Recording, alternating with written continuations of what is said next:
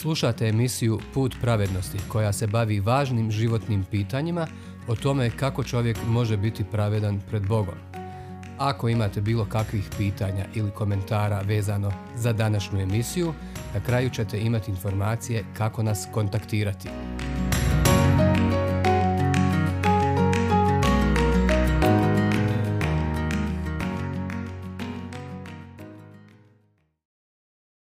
Raj Otkrivenje 21 i 22. U prošloj emisiji smo govorili o paklu, o mjestu vječne kazne. Elem pakao je užasno mjesto, stvarnost stvorena za Sotonu i njegove zle anđele. Nažalost, u njemu će završiti svi koji odbacuju put spasenja koji je Bog ustanovio. Biće dovijeka odvojeni od Boga. Zato sveto pismo objavljuje. Tko se god ne nađe zapisan u knjizi života, bio je bačen u jezero ognjeno. Otkrivenje, 20. glava, 15. stih. Nema sumnje da je pakao naj, najneprijatnija tema o kojoj možemo govoriti.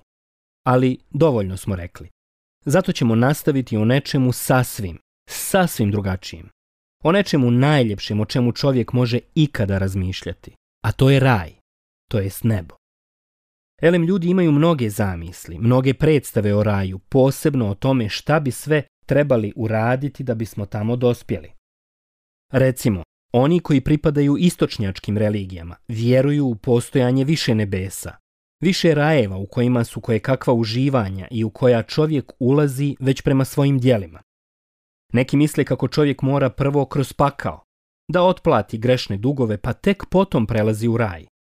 Mnogi smatraju da je raj ipak namijenjen religioznim ljudima, onima koji odrade sve potrebno i propisano.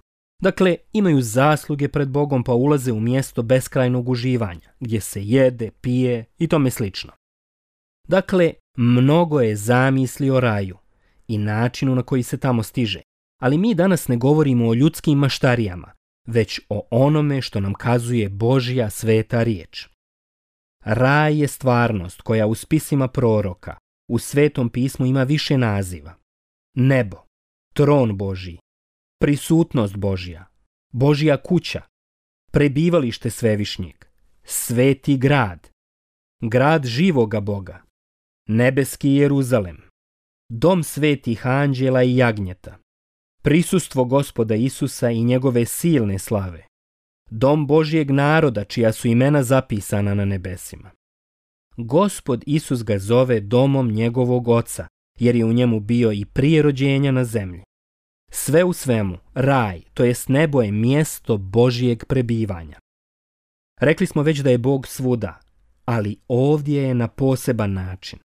Nebo ističe koliko je svet, djelotvoran, lijep, uzvišen nad zvijezdama jer tu prebiva u svojoj slavi. Tu je i sin svevišnjeg, Isus.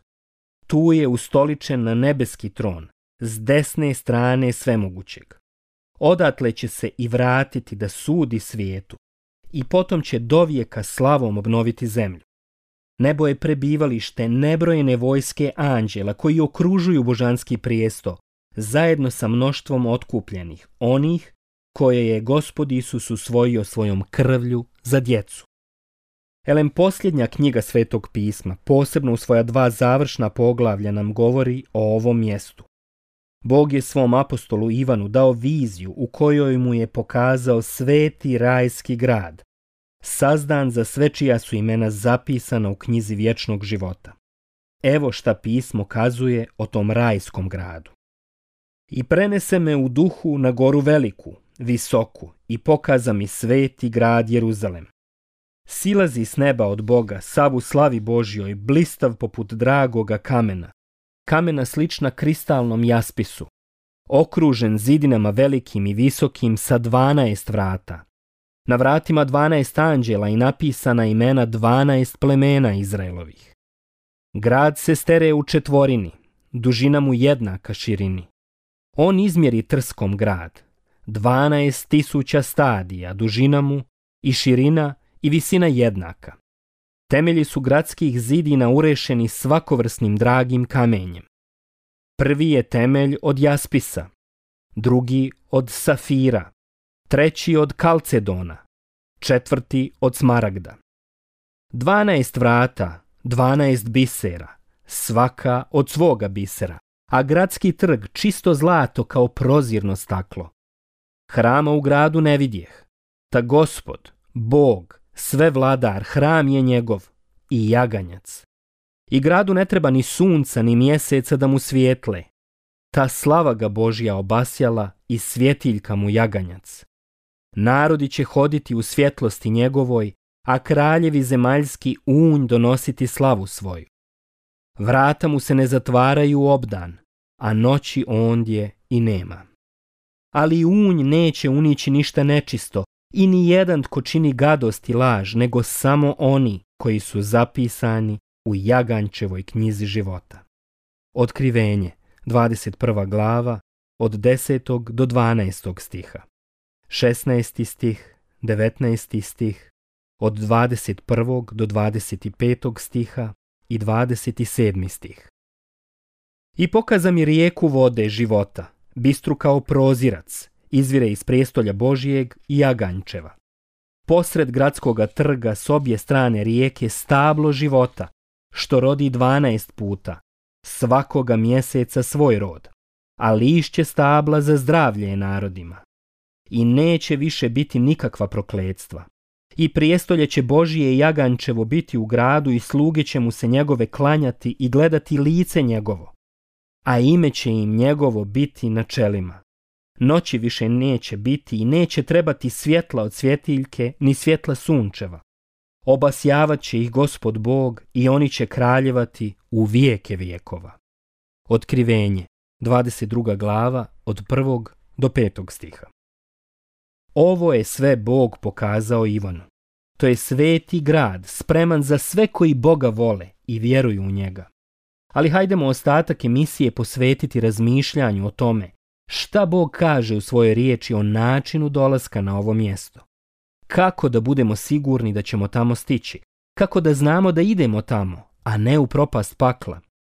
Sjećate li se šta je Isus rekao svojim učenicima o domu svoga oca i kako se u njega stiže? Evo šta. Neka se ne uznemiruje srce vaše.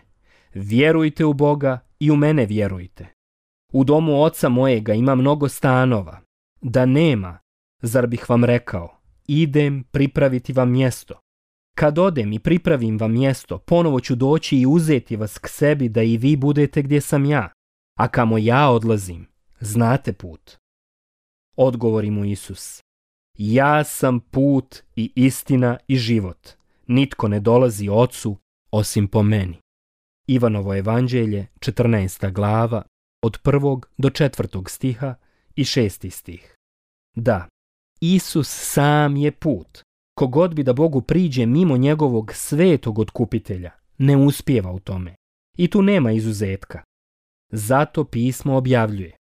Jer jedan je Bog, jedan je i posrednik između Boga i ljudi. Čovjek, Krist Isus, koji sebe samoga dade kao otkup za sve. To je u svoje vrijeme dano svjedočanstvo. Prva poslanica Timoteju, druga glava, peti i šesti stih. Isus Krist je od Boga nam poslati posrednik. On je put za raj.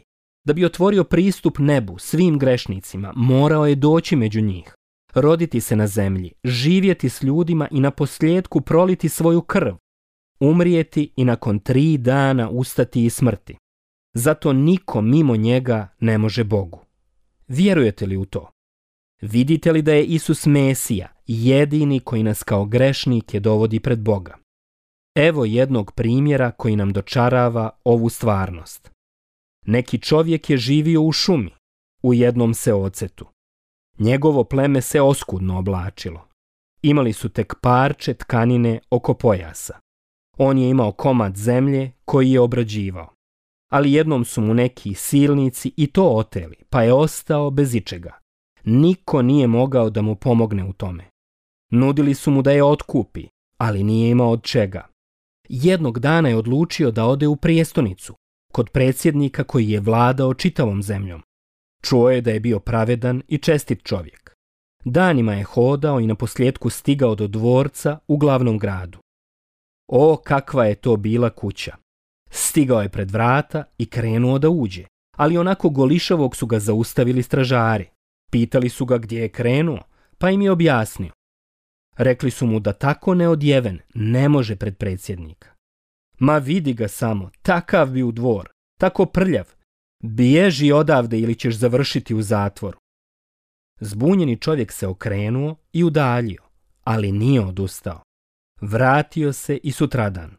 Prosio je od jutra do večeri sve dok nije skupio koji novčić. Od toga je kupio već nošenu odjeću, okupao se i krenuo u dvor.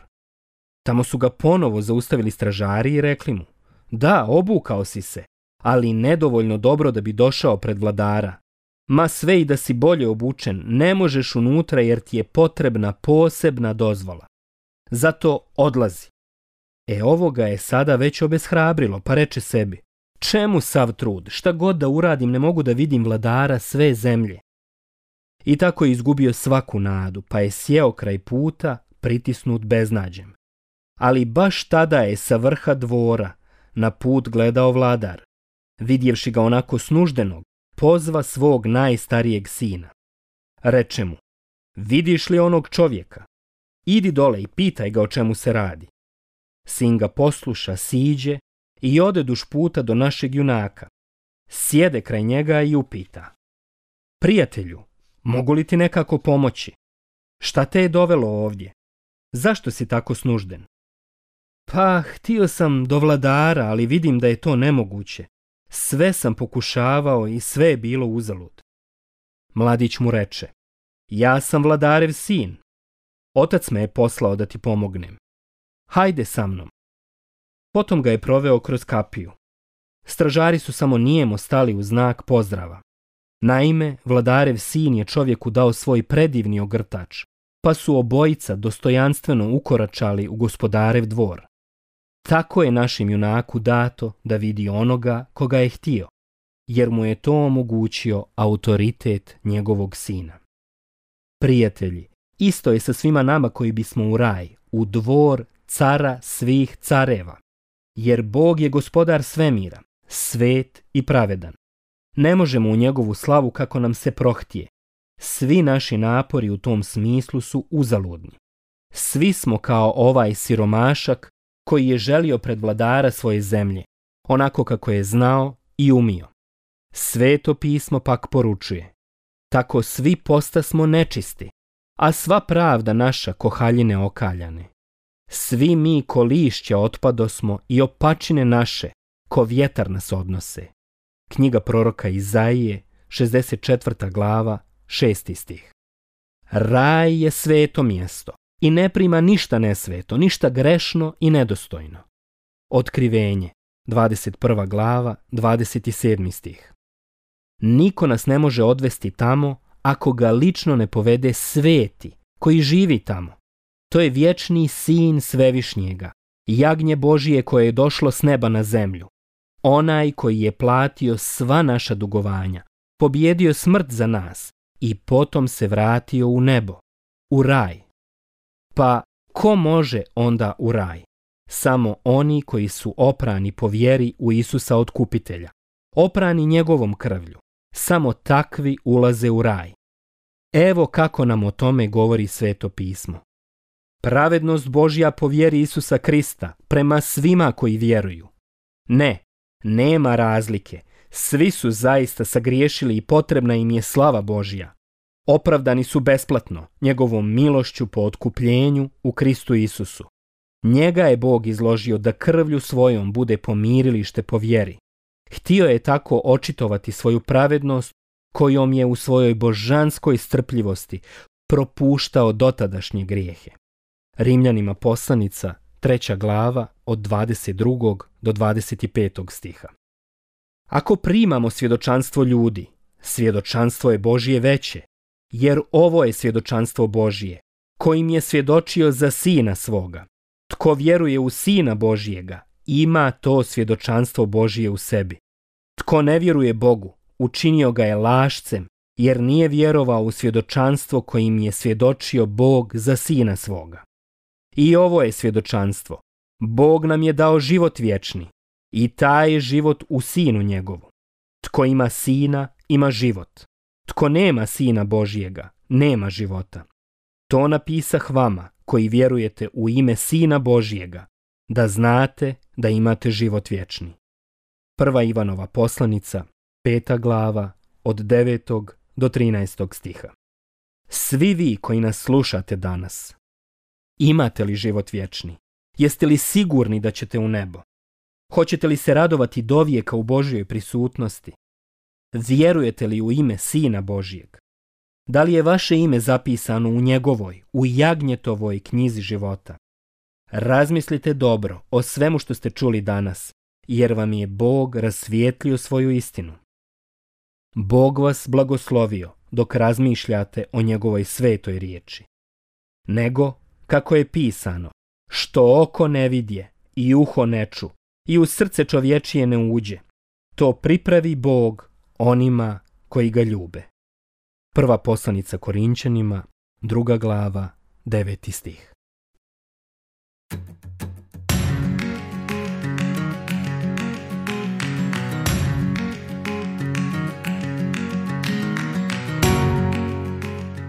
Hvala vam što ste slušali današnju emisiju kontaktirajte nas putem našeg e-maila putpravednosti.bih.gmail.com ili putem naše Facebook stranice Put pravednosti. Do sljedećeg slušanja.